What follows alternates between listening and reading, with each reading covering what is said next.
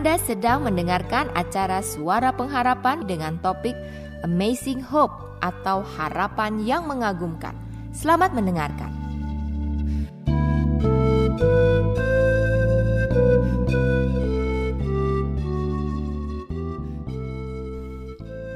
Seorang pria pergi menemui seorang psikiater dan kemudian ia menyampaikan kepada psikiater ini bahwa ia kesepian, ia sedih, ia menderita di dalam hidup ini. Dan meminta nasihat kepada psikiater ini, apa yang harus dilakukan, bagaimana supaya bisa keluar dari situasi itu. Situasi yang buat orang ini sangat menekan sekali. Di tengah-tengah berbagai kesibukannya, dia katakan, saya merasa sendirian, kesepian, sedih, menderita. Kemudian siater ini mengatakan, oh harus lebih gembira, kata dia. Harus lebih senang hati ini. Nah karena itu saya anjurkan, kata siater ini, pergilah ke sirkus yang hari ini sedang ada di kota kita di situ ada pelawak yang terkenal. Dan datanglah ke sana. Saya percaya kamu pasti terhibur, kamu bisa tertawa, dan itu akan mengangkat semua beban kamu. Kemudian orang ini menatap sang psikiater ini dan mengatakan, tapi dok, pelawak itu adalah saya katanya. Rupanya orang bisa menghibur orang, orang bisa tertawa di depan orang, tapi di dalam hatinya ada kekosongan yang begitu dalam.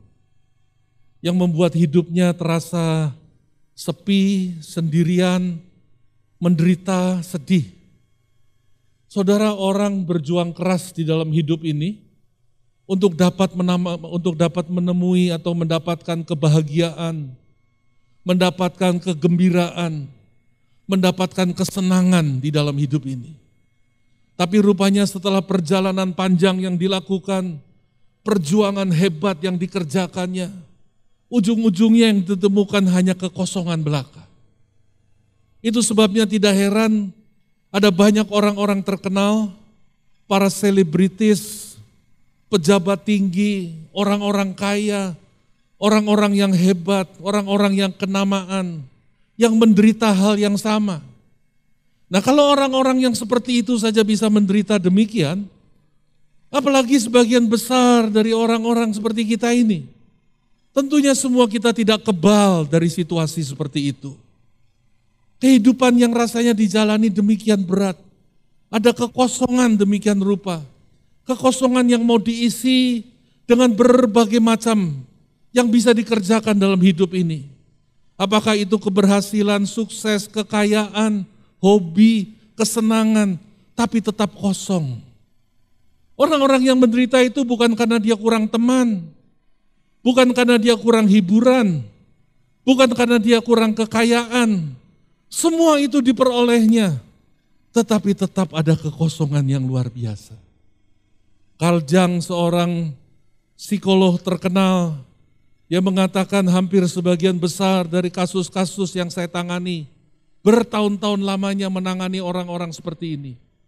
Dia katakan tidak ditemukan gejala klinis dalam diri orang tersebut. Artinya secara klinis, secara medis nggak ada apa, nggak ada. Yang ada adalah kekosongan dia katakan. Kekosongan yang bisa membuat orang itu hidupnya menderita.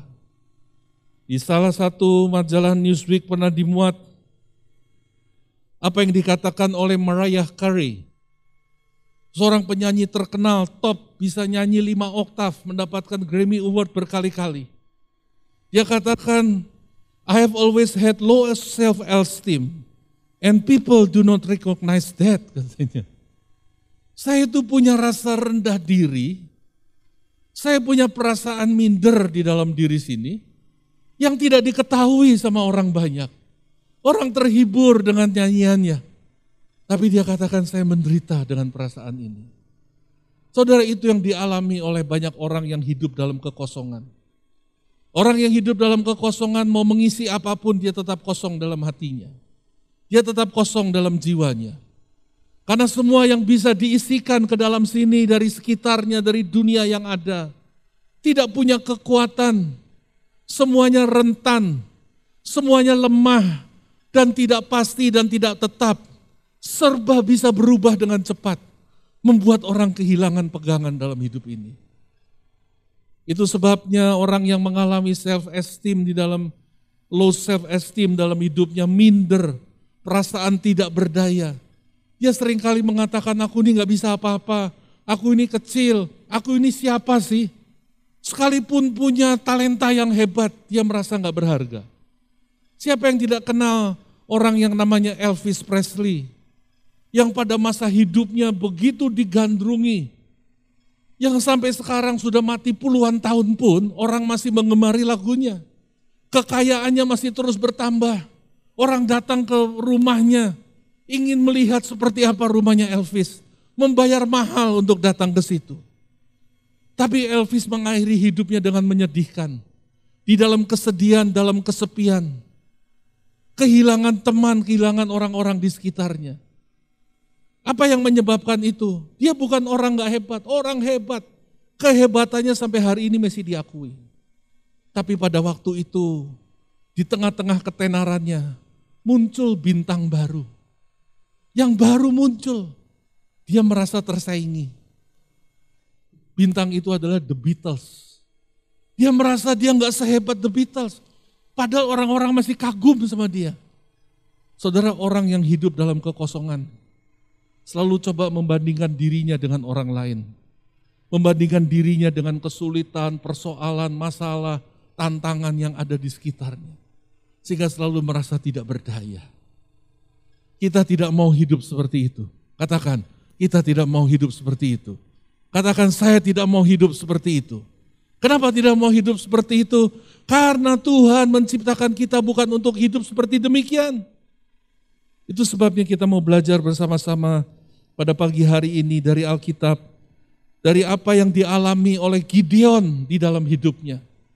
Gideon yang namanya disebut di salah satu nama dari para pahlawan iman yang ada di Ibrani pasal 11. Salah satu pahlawan iman, Gideon. Tapi yang di dalam hidupnya kita melihat, di dalam hidupnya kita menyaksikan di dalam Alkitab dituliskan, betapa dia orang yang mengidap sindroma ini. Sindroma rendah diri, low self-esteem. Padahal ini termasuk pahlawan. Saudara sikap seperti ini bisa menghalangi kita untuk hidup maksimal di dalam Tuhan. Itu yang kita ingin belajar melalui firman Tuhan. Bagaimana kita keluar dari situasi itu? Belajar dari hidup Gideon. Mari kita baca Hakim-Hakim pasal yang ke-6 ayat yang ke-11 sampai dengan ayat yang ke-13. Kemudian datanglah malaikat Tuhan dan duduk di bawah pohon terbentin di Ofra, kepunyaan Yoas, orang Abieser itu.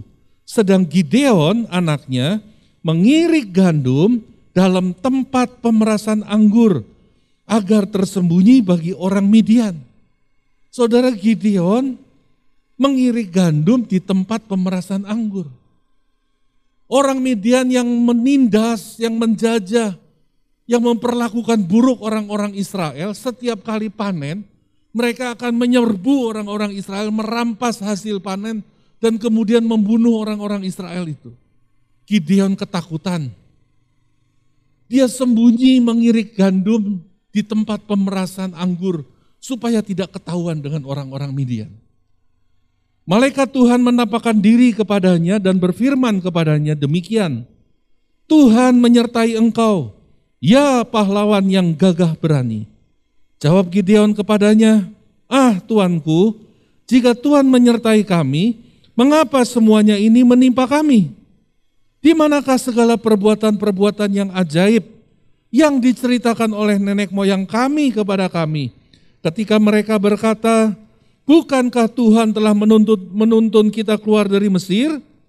Tetapi sekarang Tuhan membuang kami dan menyerahkan kami ke dalam cengkraman orang Midian. Di tengah-tengah situasi hidup media, hidup Gideon, saudara, Tuhan mendengar seruan orang-orang Israel. Dan Tuhan menjawab seruan orang-orang Israel dengan anugerahnya yang besar. Dan Tuhan memilih seorang pahlawan yaitu Gideon untuk memimpin bangsanya keluar dari Mesir. Memimpin orang-orang Israel keluar dari Median maksud saya. Tapi apa yang dikatakan oleh Gideon? Gideon bilang, ah Tuhan kalau memang Tuhan itu baik, kalau memang Tuhan itu seperti yang diceritakan oleh nenek moyang kami, kan harusnya kami nggak mengalami keadaan seperti ini. Keadaan, sikap hati, suasana hati merasa tidak berdaya.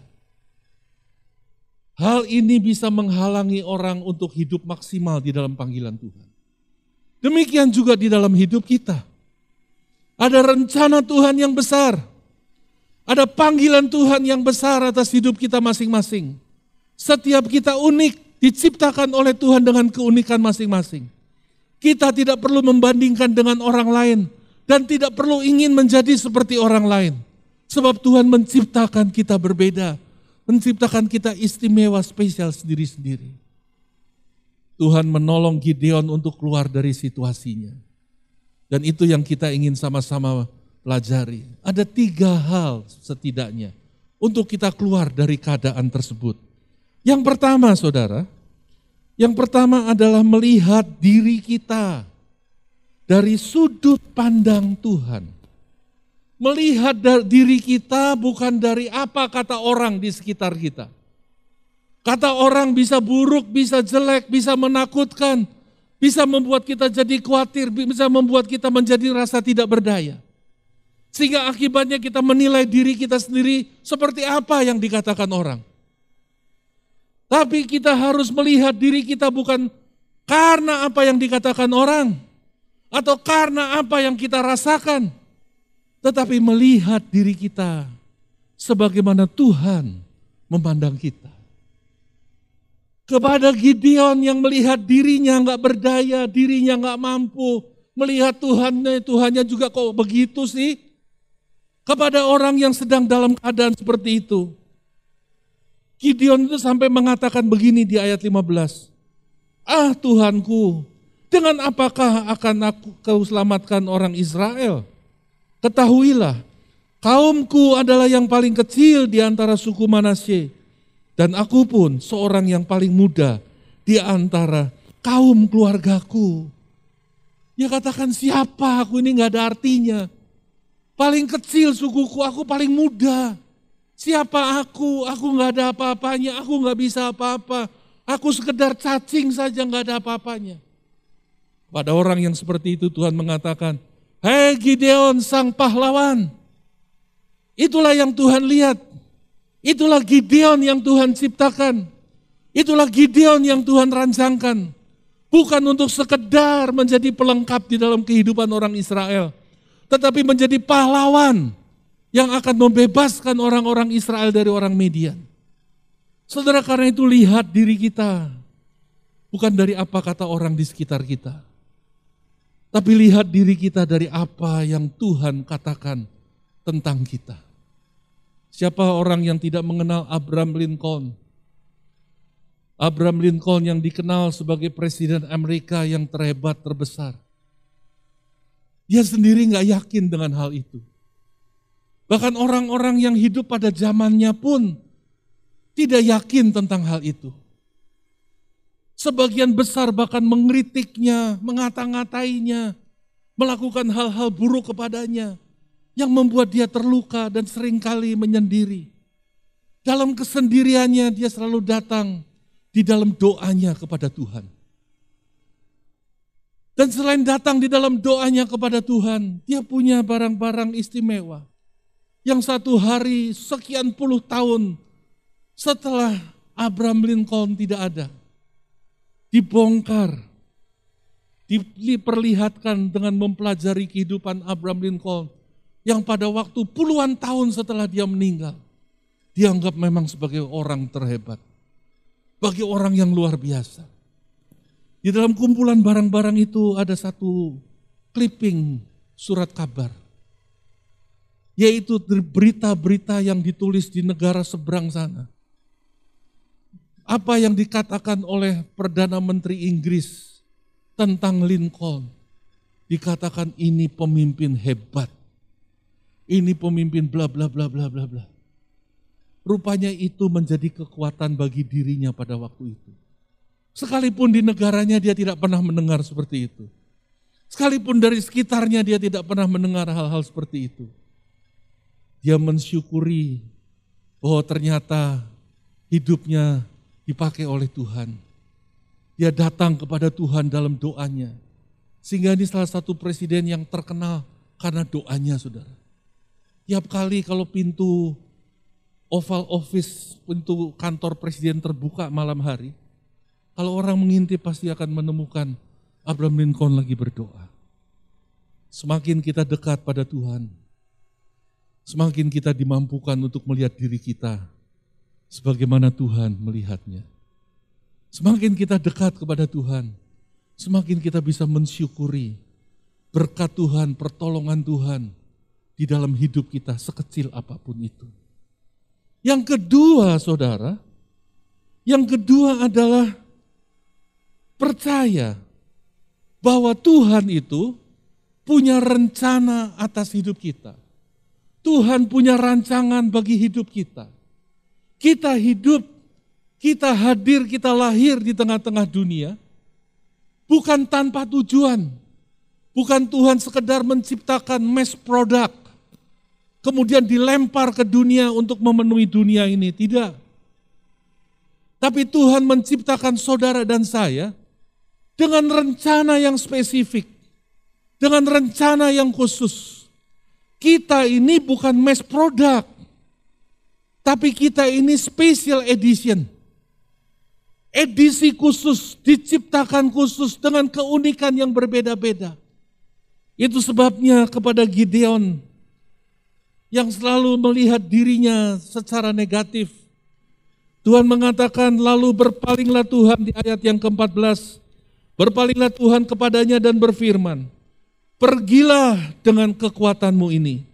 Selamatkanlah orang Israel dari cengkraman orang Median. Bukankah aku mengutus engkau?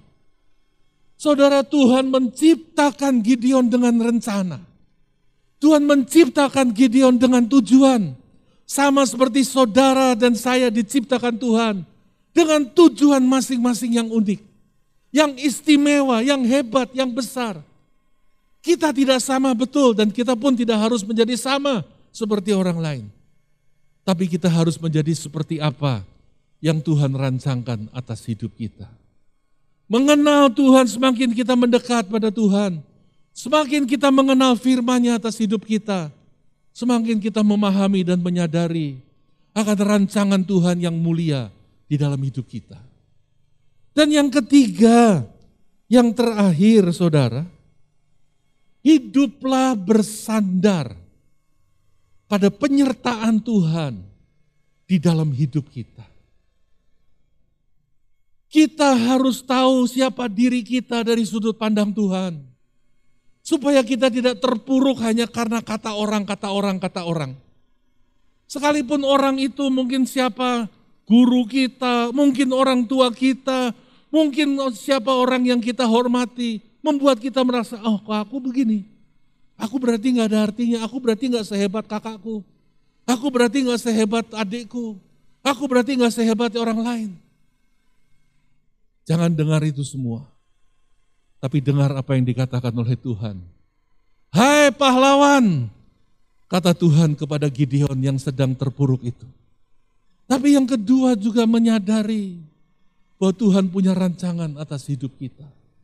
Dan yang ketiga, kita harus selalu hidup dengan bersandar pada penyertaan Tuhan. Di ayat yang ke-16 dikatakan berfirmanlah Tuhan kepadanya, tetapi akulah yang menyertai engkau. Sebab itu engkau akan memukul kalah orang Midian itu sampai habis. Tuhan menegaskan, meneguhkan kepada Gideon, aku Gideon yang menyertaimu. Dan aku yang akan menghantam orang-orang Midian itu semua. Jangan takut. Saudara kalau penyertaan Tuhan ada atas hidup kita, dan Tuhan memang menyertai hidup kita, Jangan takut dengan tantangan. Jangan takut dengan kesulitan. untuk hidup bersandar pada penyertaan Tuhan, diperlukan kerendahan hati. Bukan rendah diri, rendah hati. Saudara orang yang menyadari keterbatasan dirinya, bisa bersikap antara satu dari dua ini. Yang satu rendah hati, menyadari keterbatasan dirinya, itu sebabnya dia bergantung kepada Tuhan.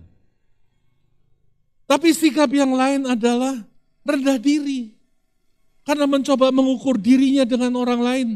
Mencoba mengukur dirinya dengan tantangan, kesulitan, dan masalah yang dihadapi. Tambah rendah diri, tambah merasa nggak berdaya. Di satu pabrik tekstil ada tulisan, bila mengalami benang kusut, segera hubungi supervisor. Satu hari ada seorang pegawai wanita baru masuk. Dan dia ditempatkan di satu bagian, dia mengalami benang kusut. Waktu dia mengalami benang kusut, dia sudah diberitahu sebelumnya. Kalau mengalami benang kusut, segera beritahu supervisor, panggil supervisor. Dia coba memperbaiki sendiri, dia pikir ah ini bisa lah aku kerjain sendiri. Dan semakin dikerjakan semakin kusut. Semakin dikerjakan semakin dia nggak mampu lagi menanganinya. Akhirnya setelah dia nggak mampu, dia baru berkata dan memanggil supervisornya, dia katakan, tolong pak ini ada benang kusut. Saya sudah coba dengan maksimal, tapi saya nggak mampu. Supervisornya memandang karyawan baru ini dengan marah, dia katakan, kamu salah. Perintahnya bukan mencoba dulu baru kemudian memberitahu. Tapi begitu ada masalah langsung beritahu aku. Saudara sering kali terjadi hal demikian dalam hidup kita. Ada masalah kita coba, ah gampang ini sih biar aku atasi lah. Oh aku punya teman kok, aku punya koneksi bisa menyelesaikan. Kalau udah ruwet baru datang sama Tuhan. Kayak cucu saya satu hari dia mau lepaskan kaosnya, bajunya nggak bisa, tarik-tarik itu nggak bisa, dia datang ke saya. Opa, opa please help me, katanya. Jadi kemudian dia, saya bilang, nah, kamu angkat tangan. Terus saya baru mau narik itu, dia bilang, jangan gini, apa ini mesti gini, ini mesti gini. Semakin dia bergerak begitu, semakin saya nggak bisa buat apa-apa. Saya bilang, diam, diam, stop. Kamu diam ya, kamu diam. Ya apa? Lalu saya lepaskan dengan mudah. Untuk kita hidup dalam penyertaan Tuhan, diperlukan kerendahan hati. Rendah diri adalah ketika kita menjauh ketika kita tidak menyadari bahwa Tuhan beserta dengan kita. Bahwa Tuhan punya rancangan yang ajaib atas hidup kita. Bahwa Tuhan memandang kita tidak seperti dunia ini memandang kita. Saudara, setiap kita istimewa di hadapan Tuhan. Setiap kita ciptaan yang khusus dan spesial. Tuhan punya rancangan yang besar penyertaannya atas hidup kita ajaib adanya. Karena itu jangan hidup di tengah-tengah dunia. Dunia ini memang penuh masalah. Dunia ini memang penuh dengan tantangan dan persoalan. Tapi jalani saja bersama dengan Tuhan. Tuhan tidak pernah meninggalkan. Bahkan di tengah-tengah ketakutannya demikian rupa. Gideon yang ketakutan.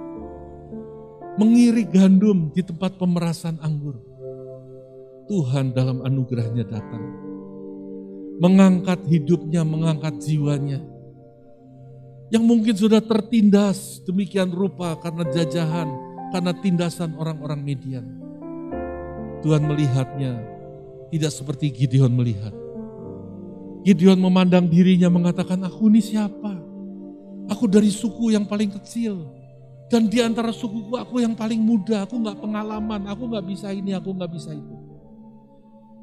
Tuhan mengatakan, hai engkau pahlawan, aku menyertaimu. Sehingga saudara, kalau kita menyadari penyertaan Tuhan, dan hidup dalam kerendahan hati kita, kita tahu bahwa semua keberhasilan, semua kemenangan, itu bukan karena siapa kita, bukan. Tapi karena kita tahu Tuhan yang memberikan kemenangan ini.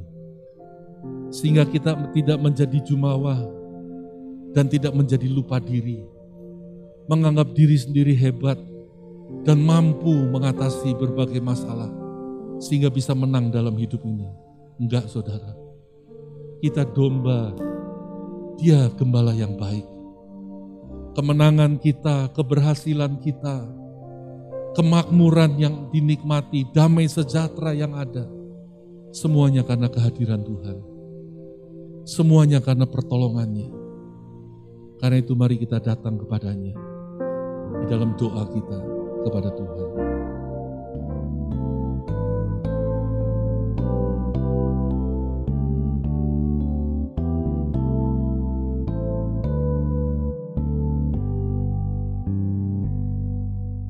Anda telah mendengarkan dari topik Amazing Hope atau harapan yang mengagumkan. Sampai jumpa pada pekan yang akan datang. Tuhan memberkati.